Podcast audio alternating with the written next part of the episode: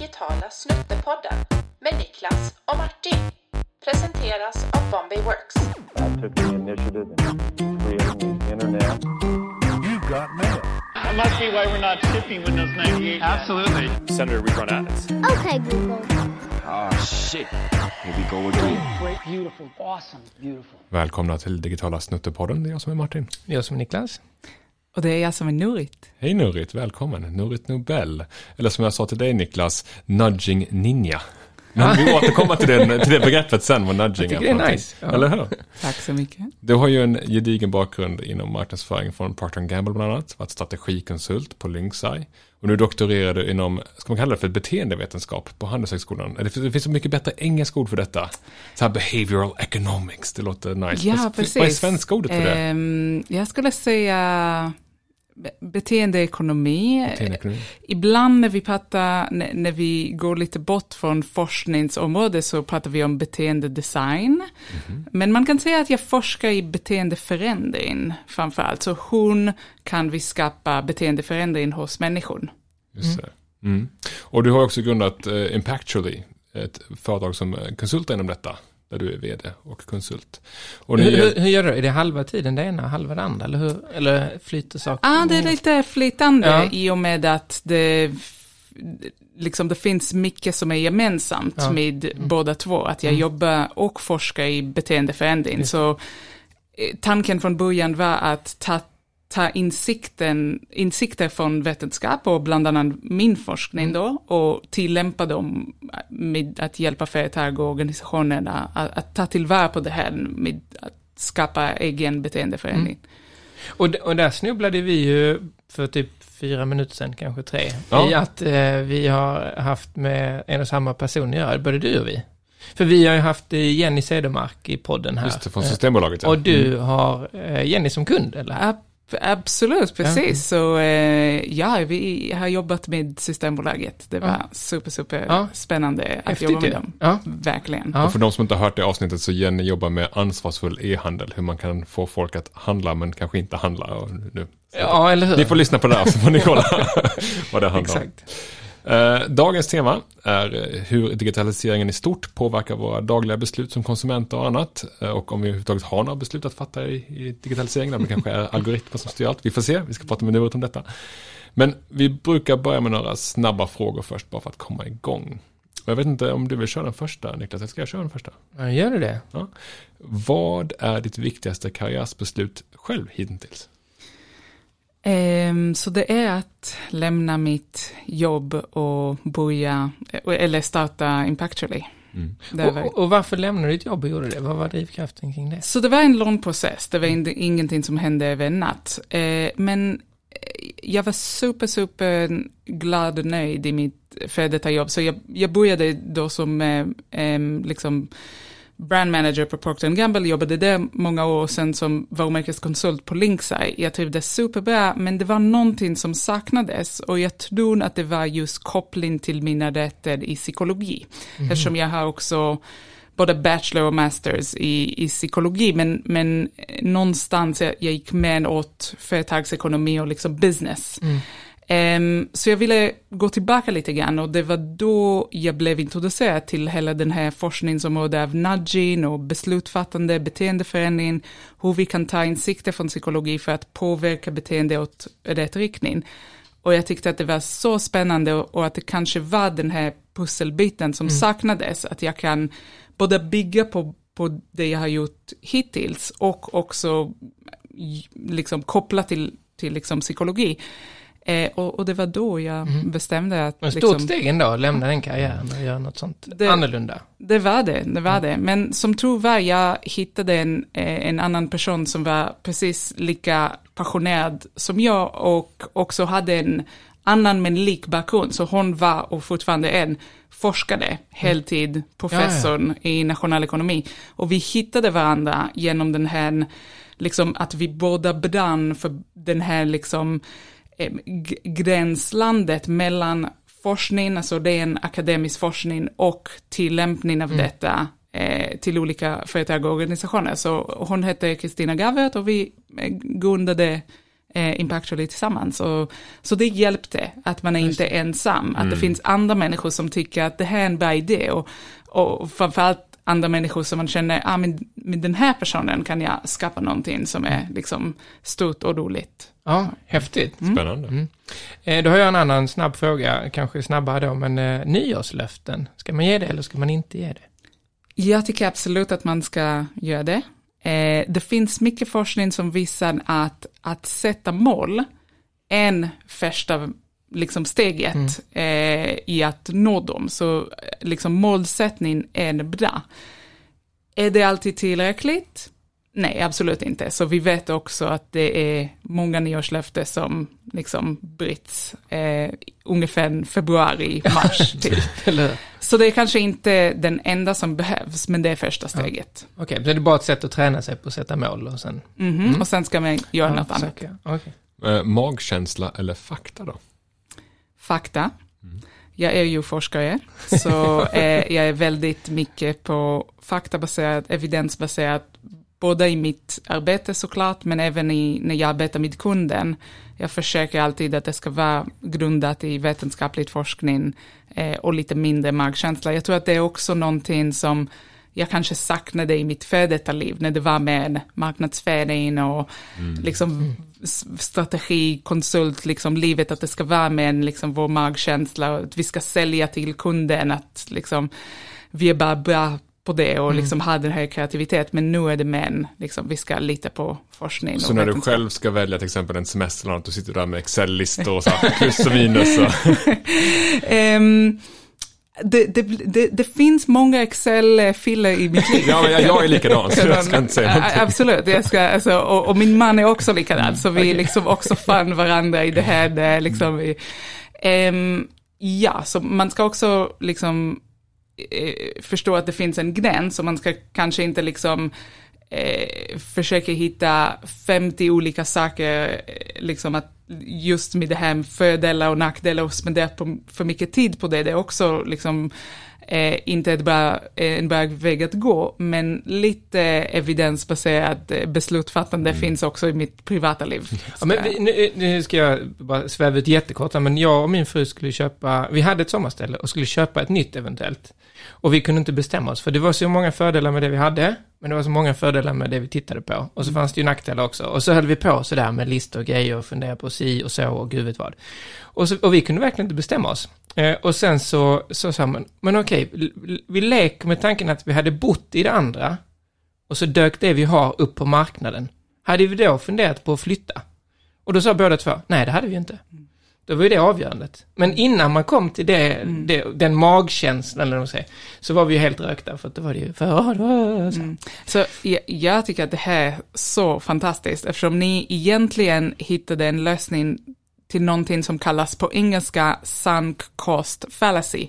Jag beklagar att det inte finns. Okej, ja, det kan man kalla det säkert. Ja. Det, ja. det, det, inte fin, det finns inte en jättebra svensk översättning, men sunk cost fallacy um, pratar om det att vi ibland gör stora satsningar och då blir, li- blir vi lite committed till det vi har redan gjort eller det vi redan äger. Eller i, så i er fall, ni har redan ett hus så ni redan liksom njuter av allt som är bra med det här Ja. huset. Och det är svårt att liksom föreställa sig hur ska livet vara med någonting helt annat. Men ni gjorde precis det som man ska. Liksom, hade vi inte haft det här, hur skulle vi fatta beslut då? Att inte bli lurad av det här sunk cost fallacy eller status quo bias, att liksom att stanna med det man alltid liksom Ja, just har. det. Ja. Ja, Ja, men, intressant. För sunk cost är faktiskt det, den termen jag tagit med mig från ekonomiutbildningen mest. För den är väldigt användbar. Eh, ett exempel när jag var och min fru skulle ut och vi hade fått biljetter, tror det var Bruce Springsteen vi skulle gå och kolla på. Och vi hade barnvakt och allting, på väg ut genom dörren och jag kände bara, jag vill inte gå på den här konserten. Jag vill inte stå med massa svettandes människor och bara stå och titta på detta. Han är bra men inte så bra. Så jag sa till Sofie, vi, vi, vi slänger de här biljetterna och så går vi ut och äter middag istället ihop. Och hon bara, nej det kan vi inte göra. Vi har ju betalt de här biljetterna.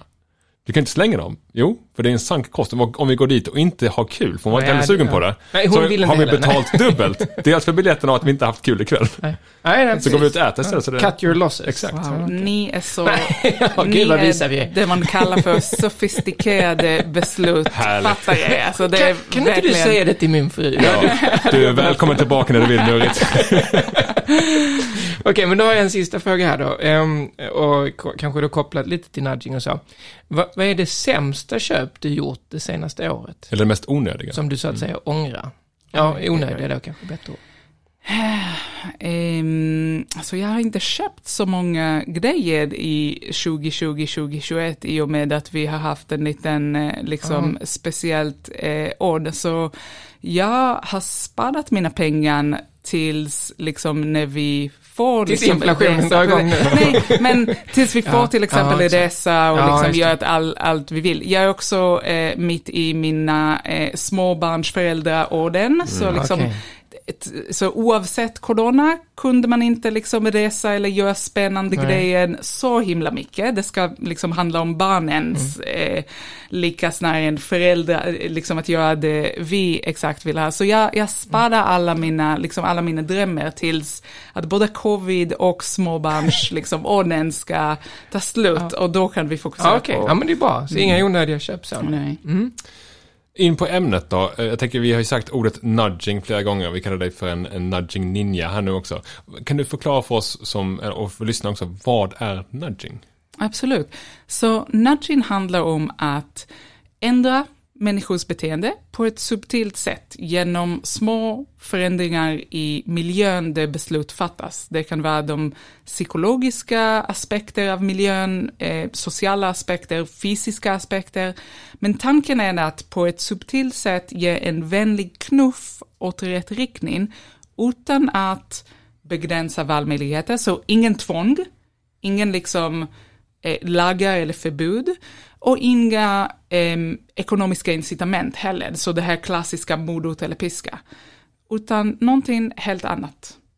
Eh, och vi, vi brukar prata om nudging i ett kontext där vi knuffar människor åt det som är bäst för dem. Så att, att öka deras välbefinnande, att göra dem lyckligare, men hälsosamma, rikare och så vidare. Så till exempel, man brukar prata om nudging, att nudga folk att spara mer pengar till deras pension till exempel, ehm, att äta hälsosammare, sluta röka, Eh, vi pratar om nudging i kontextet av eh, hållbarhet.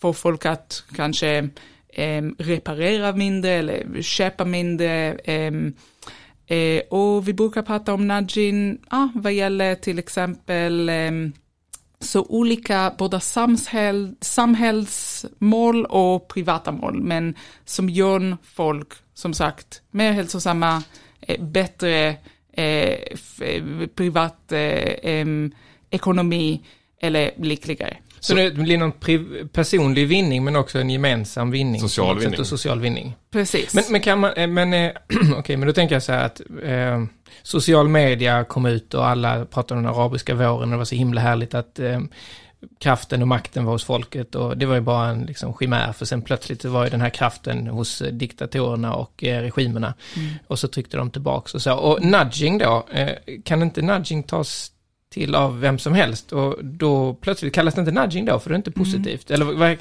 kallar man det något annat då eller? Precis, så tanken med nudging är att vi som kanske staten eller organisationen, så det kan både användas av statliga myndigheten, regeringen eller eh, privata företag eller individer, men att vi vet vad som är bra för dig, individen, som är antingen kunden, medarbetare, medborgare och så vidare. Och visst kan det absolut vara så att det kommer finnas personer i dessa organisationer som kanske har andra mål som inte stämmer med individens bästa intresse. Och då är det, ehm, så antingen när det verkligen är någonting som är, det här kommer individen inte må bra av, då kallar vi det för sludge. Så jag har sett sludges till exempel eh, när det gäller att få folk Alltså verkligen köpa saker som de inte behöver. Alltså lägga till massor med extra försäkringar till liksom flygbiljett eller sådana saker. Eh, Eller till exempel, man kan kalla det för sludge när man försöker att göra någonting väldigt svårt, göra någonting som är bra för konsumenten väldigt svårt. Så till exempel om du får en gratis erbjudande, få tre månaders prenumeration till New York Times gratis, men sen vill du faktiskt avprenumerera, du vill inte betala, du vill ha den här erbjudande och sen inte betala. När de gör det jätte, jättesvårt, okej, du får avprenumerera, men du måste ringa oss Okej. från utomlands. Faxa. Och vi är bara där liksom öppna 30 minuter varje liksom måndag och onsdag. Det kallar vi också för sludge. Sludge, okej. Så sludge och nudge. Sludge och nudge. Jag hittade också ordet eh, dark patterns. Precis, så mycket av det här sludge, när det är i en online-miljö, kallar man det för dark patterns. Så ett exempel som man ofta ser i kontexten av dark patterns är de här tredjeparts webbsidor för bokning av hotell och flyg. Och det är precis de som använder eh, många av de här knäpp som kommer från psykologi, till exempel just nu är det 5000 människor som tittar på samma rum, eller ehm, om vi pratar om till exempel eh, en online-klädd e-handel, eh, Jenny från eh, Birmingham har köpt det här klänning i blå för 30 minuter sedan. Eh, Men man har visat att oftast det här, i det här dark patterns, eh, de här webbsidorna bara liksom tar liksom random data. Ja, det är inte på det, riktigt. Det, finns ingen Jenny på Ja. Birmingham som har köpt just den här klänningen, utan det är liksom en slumpmäss generator av liksom Tänkte vi namn säga och... hur GDPR säkert är det. Ja, det är också, exakt. Precis, men, och, och det är precis, eh, det är liksom fint att du nämner GDPR eftersom i och med att det finns mer och mer kunskap och kännedom till dessa dark patterns och, och, och sludges så har eh, olika myndigheter, till exempel konsum, konsumentskyddsmyndighet på EU, eh, E- EU eh, kommit in till bilden och sa det här får man inte göra. Så just nu i EU under GDPR kan man, får man inte göra det här. Men många webbsidor fortfarande sitter i USA eller bara bryr sig inte och, och tar risken till. För, för det där kopplar ju lite också till eh, vad, vad, är det som gör att man fattar beslut? Eh, för, eh, det är ju det vi pratar om på något sätt, att man ska fatta beslut i en riktning som är nudgad och inte sludgad. Precis. Och eh, då snubblade jag in på typ så här, så var någon så här, "Ja, men man tar 35 000 beslut om dagen. Det verkar inte riktigt rimligt för det är typ varannan sekund. Men det är klart, det beror på vad man menar beslut. Jag tittar dit, jag tittar hit, jag tittar dit, jag tittar hit. Så Precis. Så det finns olika uppskattningar för det här och jag tror kanske inte att det är just siffran som är Nej. superviktig. men att det är mycket beslut. det är jättemycket. Och, och då fanns det undersökningar kring det hela då, och då snubblade jag på en undersökning via en Huffing, Huffington Post-artikel, Eh, där de hänvisar till Nintendo. Det var ju lite så här, wow, Nintendo har gett sig in i det här. Och de hade något så här Puzzler, eh, Mind Gym 3D, och då hade de gjort en undersökning till det. Hur som helst så har de landat i att lata britter, 55% av dem, de ville inte fatta beslut. De hade hellre sett att någon annan fattade beslutet åt dem. Ja. Kring, vad då? Allt. Ju, kring allt. ja. ja, för att folk tycker det är jobbigt att ta beslut. Eh. Absolut, 100 procent. Och det är precis som vi sa, låt oss ta det här 35 000 siffran. Men oavsett hur många det är, vi fattar otroligt många beslut varje dag och det påverkar vår hjärna ganska rejält. Och vi som människor, vi vill minska energi, minska liksom de här krafter som vi behöver. Så allt det här med att fatta beslut, det tycker vi är jobbigt. Och när då man säger sig, ja men Camilla i Birmingham, hon har köpt den här. Tänker man, wow, det behöver inte jag tänka. Då kan jag bara ta rygg på Camilla. Precis. För hon har ju tydligen köpt. Och det flockbeteendet är väl också väldigt drivande skulle jag tro. Att jag vill inte ta ett beslut själv, för det känns ju Vi läskigt. använder det som en, en typ av genväg. Vi använder det som tumregel. I det här fallet tumregel är, finns det social bevis att andra har köpt och, eller njöt av den här produkten, då ska jag också liksom ta chansen eftersom det är safe. Så det här är en, en tumregel, eller i vetenskapligt språk vi brukar kalla det för heuristik. Det är någonting som vi använder som genväg, att hjälpa oss att liksom förkorta vägen till beslut, så att vi kan spara energi. Så det tycker vi är skönt, det är därför att vi använder det här, dessa genvägar. Och det egentligen bra för oss, det, det gör att vi kan hantera hela dessa, liksom, Men en all- överlevnadsstrategi. något sätt. Precis, precis. Så det är därför vi har utvecklat på det sättet. Men precis som alla andra genvägar, det också gör att vi ibland hamnar lite fel. Den, därför behöver vi ibland liksom hjälpa människor. Det är, det är väldigt intressant här med eh, att man är, har decision fatigue eller att man inte vill ta beslut. Samtidigt finns det ju något som kallas för the illusion of choice. Att man när man designar olika sorters upplevelser så ska man ju visa att konsumenten har ett val att göra. Även om de kanske inte har något riktigt val, de har nudgas. Så vi tycker inte om beslut, men vi blir arga om vi inte får ta ett beslut. Vad säger det om människan? Lite så. Att vi är Alltså, snurriga. Ja, snurriga i eller- huvudet. Det, men, vi, vi som människor, vi har så många saker som är egentligen liksom motsägelsefulla. Och det, det- och det är det som gör det lite svårt när man är i den sidan som designar produkter och tjänster. Att vi ska båda göra folk lyckliga, så precis som du säger, vi ska ge dem åtminstone någon illusion att de har val, men ibland vi vet att de kommer inte bli lyckliga av det här valet. Det finns till exempel mycket forskning just, med just e-handel, Em, inte bara e-handel, handel generellt, att folk vill köpa från retailers eller eh, affären som har mycket val, som erbjuder många produkter. Det vill folk. För med, folk är liksom mer nöjda och mer liksom benägna att välja retailers som erbjuder väldigt många produkter. Men vi vet också att det finns det här fenomen, fenomen av paradox of choice, eller valtrötthet, att vi blir trötta och vi ogillar när det finns jättemånga mm, alternativ och vår beslutsfattande förmåga faktiskt minskar. Eh, och vi är mindre benägna att fatta beslut. Så om ni kanske känner igen det här med liksom att gå till en affär, jag behöver ni, eh, ni par jeans, jag går till en affär, det finns liksom 50 par, alla ser precis likadana ut, jag, jag får panik och bara liksom går därifrån, lämnar butiken utan att ha köpt någonting. Så det här är valtrötthet. Så retailers, de vet att liksom folk vill ha många val, många produkter, men de blir inte nödvändigtvis liksom better off av Nej. det här. Det är inte bättre för dem. Så vad ska vi göra? Så vi försöker liksom, det är alltid det lyfter här vi två, balansgång. två, fram två alternativ på något sätt. Så att man, eller hur? Så att man kan säga, ja men okej. För en klassisk så här säljtips är ju att ifall jag står med kunden så är det inte det att ska du ha en mobiltelefon eller inte, utan ska du ha den här eller den här. Precis, det, det kan Och- vara och så, ett så sätt. att man på något sätt gör det lite lättare att fatta beslut i, ja, begränsat. Precis, eller, och kanske inte, här har du 20 Nej. eh, olika eh, liksom Jag tror att de här erbjudanden. två eller tre skulle passa precis, dig. Precis. Och, och digitalt då, eh, när man kan få så mycket information som man, man kan, ifall man går in på hotels.com och ska boka ett hotell, eh, så finns det ju oändligt mycket. Då måste de ju också jobba med att få ner antalet eh, möjliga kandidater. Och då har de ju filter och sånt där. Är, är det liksom, vad har de för andra knep där för att eh, begränsa massan? Så, så vi har det, som kallas för recommender systems Mm. Eh, och vilket är intressant. Så jag har också, en del av min forskning handlar om just dessa algoritmer eftersom jag tycker att det är spännande. Jag började med den här forskningen efter en att ha liksom suttit en kväll för mycket hemma och liksom försökt hitta någonting att titta på Netflix och efter liksom en hel kväll man hamnar i samma serie som man har tittat liksom tusen gånger. Och jag bara frågade mig själv, hur kan det vara att Netflix har den här liksom Uber-algoritm som alla de bästa ingenjörerna i världen jobbar på, men jag har fortfarande svårt att hitta någonting liksom bra att titta på. Så vad är det som händer?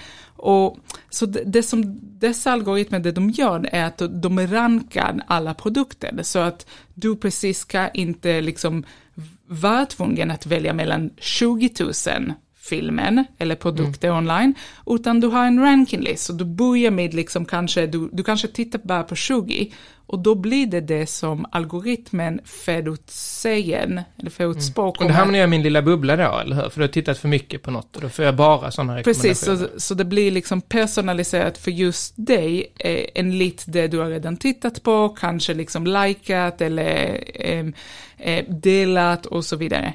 Så dessa algoritmer, de, de gör att vi liksom, vi tittar på, eller vi, vi tittar på det som är färskt. Och dessa algoritmer gör att det som kommer färskt kommer förmodligen vara någonting som vi kommer att tycka om.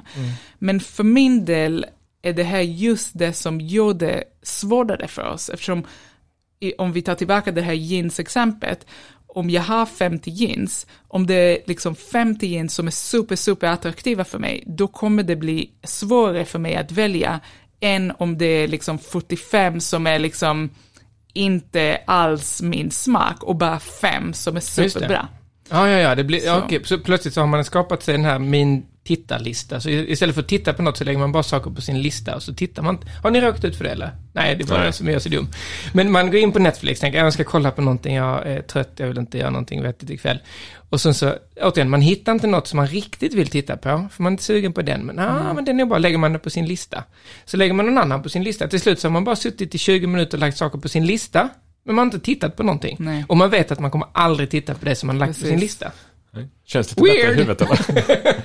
Det finns även forskning om just det här med vad, vad är skillnaden mellan det som folk lägger på deras liksom, att titta-lista och det som de Faktiskt faktiskt tittar tittar på.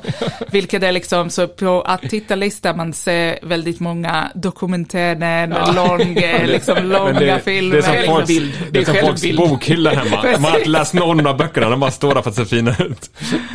Ja, det stämmer ju. En Sorgligt. fråga jag har till dig är det här fenomenet med när vi har mycket val och så vidare. Price anchoring eller prisankare på svenska. Det är någonting som en del handlare använder sig av som knep. Är det nudging eller vad är det för typ av fenomen? Ja, så jag skulle inte kalla det för nudging eftersom jag, nudging är, som vi sa, det är liksom inbackat i konceptet att det ska vara för någonting som är liksom bra, till exempel liksom besparingar och liksom eh, hållbarhet och så vidare. När det gäller bara en förhandling mellan människor em, så är det inte liksom riktigt det. Men det absolut liksom bygger på samma psykologiska kunskap, precis som nudging. Så det här med förankring är bara en psykologisk liksom, princip. För jag tänkte och, och då med bara, pris förlåt, som... bara prisförankring. Ja, det, precis. Det, för de som det inte- klassiska exemplet då är som, som att använda pris som en signal. Tänk dig att du har ett område som du kanske inte kan jättemycket Tänk vin till exempel. Mm. Det står tre eh, vinflaskor i hyllan. Eh, på, inte, ja, nu är Systembolaget, men någon, vad, vad som helst. Och en kostar kanske 50 kronor, en kostar 150 kronor och en kostar 1000 kronor. Då har du signalerat... 150 tar man då. Eh, Då tar man ju 150, eller hur? Ja, det är ganska klassiskt. Ja. Det är som, eh, jag är lite vinintresserad, därför kanske jag tog det här exemplet. Det, det klassiska tipset jag kan ge till folk som ska vara på en restaurang och välja ett vin Ja, är att man aldrig tar den näst billigaste flaskan. För den har de mest påslag på. För det är den som folk är mest Det är den benägna som att ta. folk- Då är man inte för snål, men man är ändå Man sparsam. gör inte bort sig. Men ta alltid den billigaste flaskan. För ingen restaurang kan ha ett dåligt husvin och det är minst påslag på den. Och de dyra flaskorna är det aldrig ruljans på, så de ligger bara vid dåliga. Alltså det här är bra. Det här, Det här är bra, det här är... Men det här priset som signal, kan det vara någonting som hjälper oss konsumenter eller stjälper det mer? Används det mot oss att göra ett val när vi har mycket produkter? Det är bra att bara vara medvetna på det här. Så till exempel, jag, jag kan berätta om en sludge som jag har stött på. De som har kreditkort och får den här räkningen som man ska sen betala. Eh, så kreditkort, de har oftast liksom, det här är det minimi, liksom betalning du, du måste liksom betala oss den här månaden, men sen kan du liksom betala allt annat liksom efteråt. Forskningen har visat att det här minimisumman, den funkar som en, an, Eh, som en liksom ankring för vad, vad som folk kommer att betala. Eh, så det är bara bra att vara medveten av det här, att nu har du blivit förankrad att faktiskt betala en mindre summa. Även om du inte väljer just den här minimisumman, har du blivit förankrad. Om ni, Du minimisumman kan är... betala mindre om du vill. Precis, om minimisumman är eh, liksom 2000, då betalar du kanske 6000. Och så men tycker du att du är duktig för du la till fyra och då fick du inte så Precis. mycket ränta som om du tog två. För ingen är väl så Precis. dum som man betalar två och så skrattar de åt liksom, de som betalar två, men det gör ingen. Absolut, men, men det Ah, funkar okej. som en, liksom, den här Ja, det är ett förankringen. fult knep ju Mm. för att få in ränta. Absolut. Eh, och det som jag har också märkt, en annan typ av sludge är just eh, internetbetalning. Så om man väljer att ta den här kreditkort på e-faktura, att man betalar det genom liksom, internetbanking, då har de gjort att det är defaulten eller standardvalet, den här minimisumman. Så om man bara liksom fortsätter, ja, go, go, go. eh, Mhm, liksom, så ligger den defaultad där. Precis. Och åtminstone i den eh, ja, företag, jag det, det kort som jag använder, vilket är American Express, Ja, det gör jag också. då, de, jag då också. kan man det så, ändra ja. på det här, men man måste ringa dem. Så jag var tvungen att ringa American Express och säga till dem, kan ni göra defaulten att det är hela summan? Ja, det kan vi göra. ja, All det är right, så det bör vara ju. Precis, så det är en sludge, att de har gjort det lite svårare för konsumenten att göra det som är bra för konsumenten. Och då undrar jag, det finns ju en, eh, jag tror det är en, en metal-tidning som heter The Sludge Report. Men det borde finnas en som heter The, The Sludge, Report. The Sludge Report som typ avslöjar alla de här Ja, fula exakt. tricksen. Mm. Ja. Precis. Ja, outa helt enkelt Ja. de företag som använder det. Akta här liksom. Men, men är det då, om man ska outa, hur långt ska man gå då? För att det sägs ju att, nu har du då barn, eller hur? Småbarn som du sa, eller? Ja. Och då, då är det ju så att mjölken och blöjorna är placerade längst in i butiken. Mm. Och blöjorna är ju, säljs med förlust för att eh, man ska få in föräldrar som ska köpa mycket. Är det en sludge då egentligen? Alltså, det Lite light ändå, inte. eller? Det, Eller? det, det tycker jag inte. Eftersom, så sludge använder jag när det är verkligen att göra någonting som är dåligt för konsumenten. Mm. Men att en liksom, mataffärskedja ska Sälja mycket tjäna mat? pengar, Nej, det, är fine. ingenting som Nej. är, precis, alltså Okej. det är liksom, vi lever ju i ett kapitalistiskt, Okej, så det är mer, mer eller mindre det är mer en liksom, nudge samhälle. då egentligen? Det är med en, jag skulle säga, behavioral marketing, Ja. eller alltså jag lägger ingen värdering i det, det, utan det är nej. liksom ja, marknadsföring som är baserat på Det är som bulldoften utanför eh, 7-Eleven är fine också, eller så, ja okej. Mm, nej, och det, och det leder ju till mer konsumtion, men det är inte en skadlig konsumtion. Det Nej, precis, Mm. precis. Men då en annan sån sludge kan man väl tycka är ju att när man står och ska betala i kassan så är det bara godis. Det kan man ju inte säga är så mycket mer än sludge egentligen, eller? Alltså, det tycker jag, det är inte, inte konsumentens bästa intresse. Men det som är intressant här är att eh, jag vet att det finns mer och mer medvetenhet för det här eh, just inom eh, olika aktörer i dagligvaruhandel och att de verkligen vill bli bättre och vill tänka bättre på var de kan placera vad någonstans i butiken för att just knuffa konsumenten eller nudga konsumenter åt bättre val. Ja. Och vi har ju haft eh, Charlotta, eh, nu ska jag inte uttala Charlottas efternamn, det kan du få göra Martin. Chepanowski. Shep, ja, Chepanowski, eh, hållbarhetschef på Coop, kvalitetsansvarig där. Mm. Och de har ju infört det här att eh, man har eh, på 10 parametrar titta hur eh, produkterna är bra eller dåliga för miljön. Mm. Eh, då vatten, eh, koldioxid och allt möjligt. Och så kan man se det i sin app. Och det är ju då tänkt för att du ska kunna scanna din vara och sen få reda på att köp, eh, köper du den här palmoljan så får du de här negativa effekterna, inte bara koldioxid. Och köper du det här så är det si och så. Mm. Det där är ju ett sätt att ta ansvar och nudga folk i att handla hållbart. Inte bara på en parameter utan på en holistisk syn då. Jag blev bara mest glad för du sa det här med kassan. Jag kom på att min ICA-handlare har faktiskt proteinbars och bananer i Ja, kassan. det är nice ju. Nu gillar jag honom lite mer. Vi- Vilken, vilka, det ska vi bedöma. Ica Smedlivs är det då, ja, All kan jag right. säga. I Smedslätten. Ja. Va, Det här med att ta beslut och, eh, och försöka minska eh, beslut. För det är ett sätt eh, som konsument att inte bli hjärntrött och sen så och ta rygg på att Camilla i Birmingham kanske man inte ska göra, men, men motsvarande sådär. Ehm, det fanns ju en bok som hette The Dice Man. Från Det har jag 70-talet. läst. Har, har du läst den? Jag har den, har jag i bokhyllan, den är jag inte så stolt över, men jag har inte läst den. Men det är väl att eh, den här eh, hjälten, om man nu kallar honom då, eh, fattar alla beslut utifrån tärningar, eller? Mm. Är, det, det, det är ju ett, eh, ett, ett rop på hjälp i en tid då man måste fatta många beslut, Ett säga. extremt sätt precis att eh, minska, Minska eh, sitt- sitt beslutsfattande. ansvar, ja. Och jag har även hört um, folk som säger jag outsourcar allt mitt beslutsfattande till min man, min fru, mina kompisar, eh, vad som helst. Men sen är det, det finns andra varianter av det här som är mindre restriktiva eh, eller extrema. Kan, eh, så till exempel olika eh, kända figurer som alltid har Steve samma... Jobs. Ja. Precis. Just det. Steve Ja. Jobs, Mark Zuckerberg, eh, ehm, Barack Obama som också har intervjuat och sa att jag har alltid mörka-kostymen. Mm. Det är bara ett beslut som jag inte vill ta. Jag har för många viktiga beslut, jag har ingen plats i min hjärna Nej. för det här, så det blir alltid mörk, blå eller svart. Just det. That's it. Så det är också ett sätt att liksom begränsa hur många beslut vi måste fatta varje dag. Och, och sen så kan man ju undra ifall man någon gång fattar eget beslut egentligen. Det är ju på tapeten nu i och med att folk sitter och liksom snurrar in sig på TikTok och fastnar i någonting. och man liksom blir så här bara styrd egentligen av någonting. Eh, och ovanpå det så läste jag för några år sedan här Homo Deus efter att ha läst Homo Sapiens. Så då blev man totalt deppig när man kom till de sista kapitlen. Som liksom handlar om att eh, din hjärna är egentligen en enda stor algoritm och du styr inte över ett enda beslut utan din hjärna bestämmer vad du, Niklas, ska välja för någonting. Så innan du är medveten om beslutet så är det redan fattat i huvudet på dig. Du bara exekverar det som liksom en dum maskin.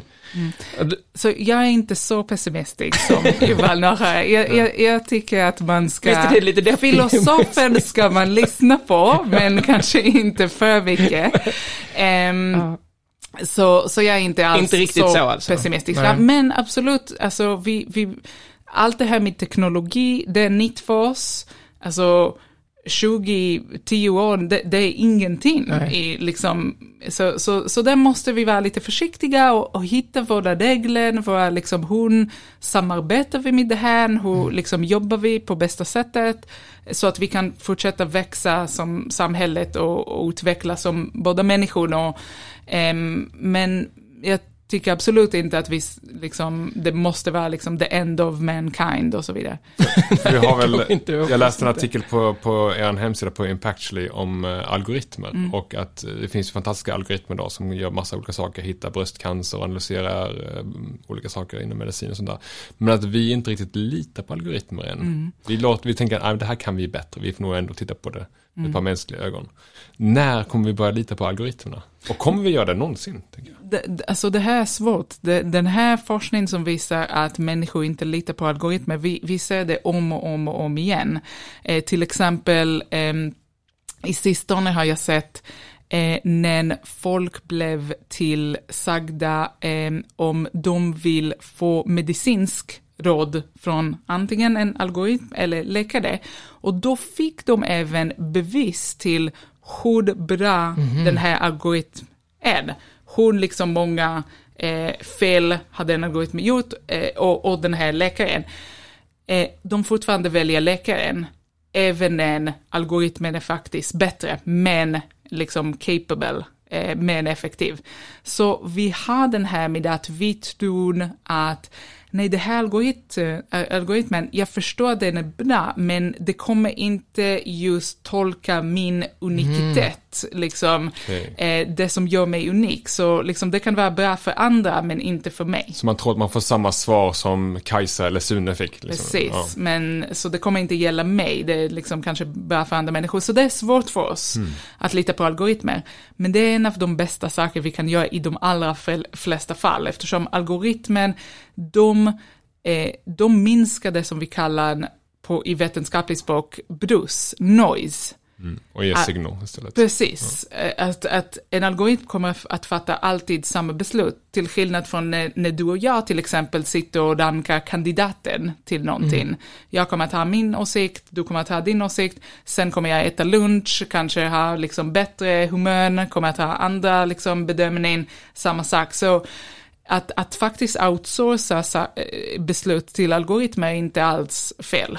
Och det, det tycker jag att vi ska liksom göra mer av. Nej, det, och det har du nog rätt Jag tänker på idag, så eh, när vi gick på lunch Martin, så jag ville ju sitta i solen. Och efter ett visst eh, antal nudge så hamnade vi i solen och, och svettades, för det gillar inte du, eller Nej. Men en annan dag funkar inte det, eller hur? Du beter dig inte som en maskin, utan du Nej, liksom, går inte på det varje gång. Skulle vilja ha en liten maskin som har skugglägen i. Man kan boka. Ja. Vad är en, alltså, eh, gillar du Star Wars? Så. Ty- Tyvärr. Nej, tyvärr. Nej, tyvärr okej. ingen Star För jag skulle bara vilja veta från en expert ifall, men då har du inte sett det då med eh, These aren't Nej. the droids you're looking for? Nej, Nej. Okej, nej, för att det är ju ett sätt att påverka någon annan, att man liksom med sin um, jedi-kraft då styr vad du kommer svara och så. Eh, det där är ju någon slags super-nudge-kraft, eh, där man blir lite hjärntvättad. Och det finns ett annat sånt exempel eh, som snurrar runt på nätet för typ fem, sex år sedan. Som var Simon Pegg som var hos en psykolog och skulle sitta och snacka med den här, inte psykologen, vad heter det, hypnotisör, ja precis. Okej. Och skulle sitta och snacka med den här personen och han hade fått gå in i rummet och skriva vad han ville ha till, i födelsedagspresent. Och sen så satt han och pratade med den här personen och sa något helt annat och det var precis det som stod i lådan då. Där det var massa nudging, får man väl kanske lite kalla det, om att eh, så här, han använde uttryck och ord som hänförde sig liksom direkt till den här produkten. Eh, Kan man göra sådana fula knep också digitalt? Att i texter man skriver, alltså, om vi kallar det sludge eller nudge, att i texter man skriver och i kommunikation man gör så använder man ord som plötsligt får den som läser och lyssnar och tittar på hemsidan att faktiskt bli påverkad.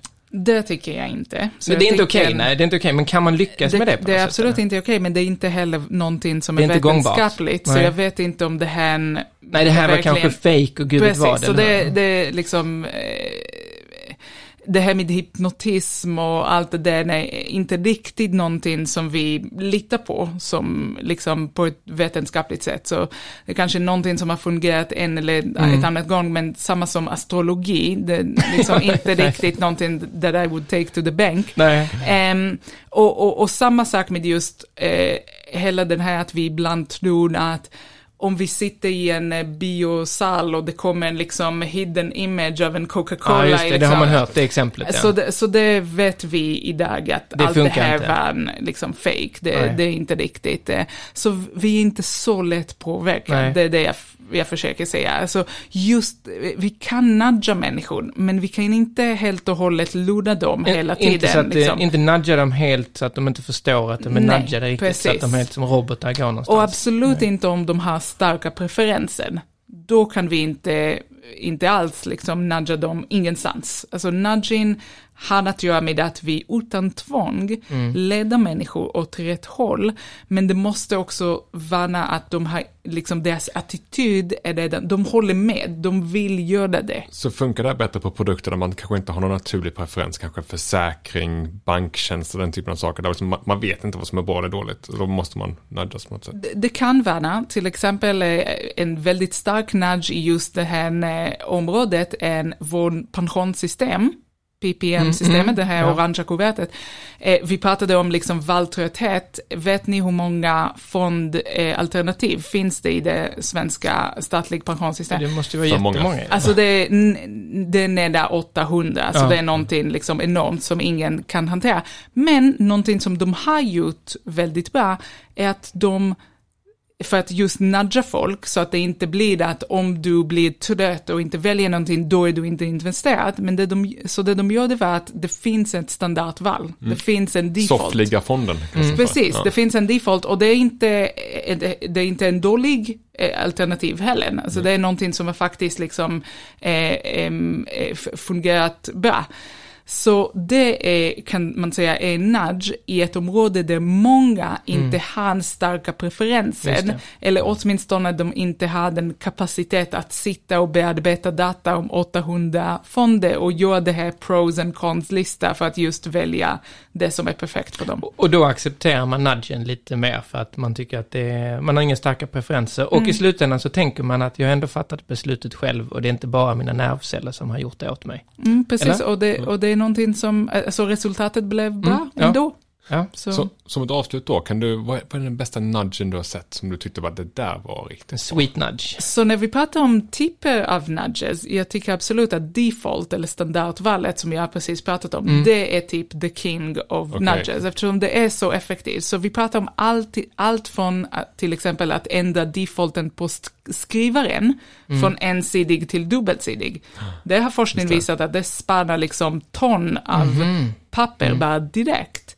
Och det är precis på grund av det här lathet och tröghet som vi människor har och att vi försöker minska antal beslut som vi fattar. Så vi go, we go with the flow. Ja, just det. Alltså, en gång om året så är det kanske viktigt för mig att det ska vara just ensidig och i färg, men alla andra gånger, jag gör bara print, liksom, och jag engagerar mig inte så mycket i det här beslutet.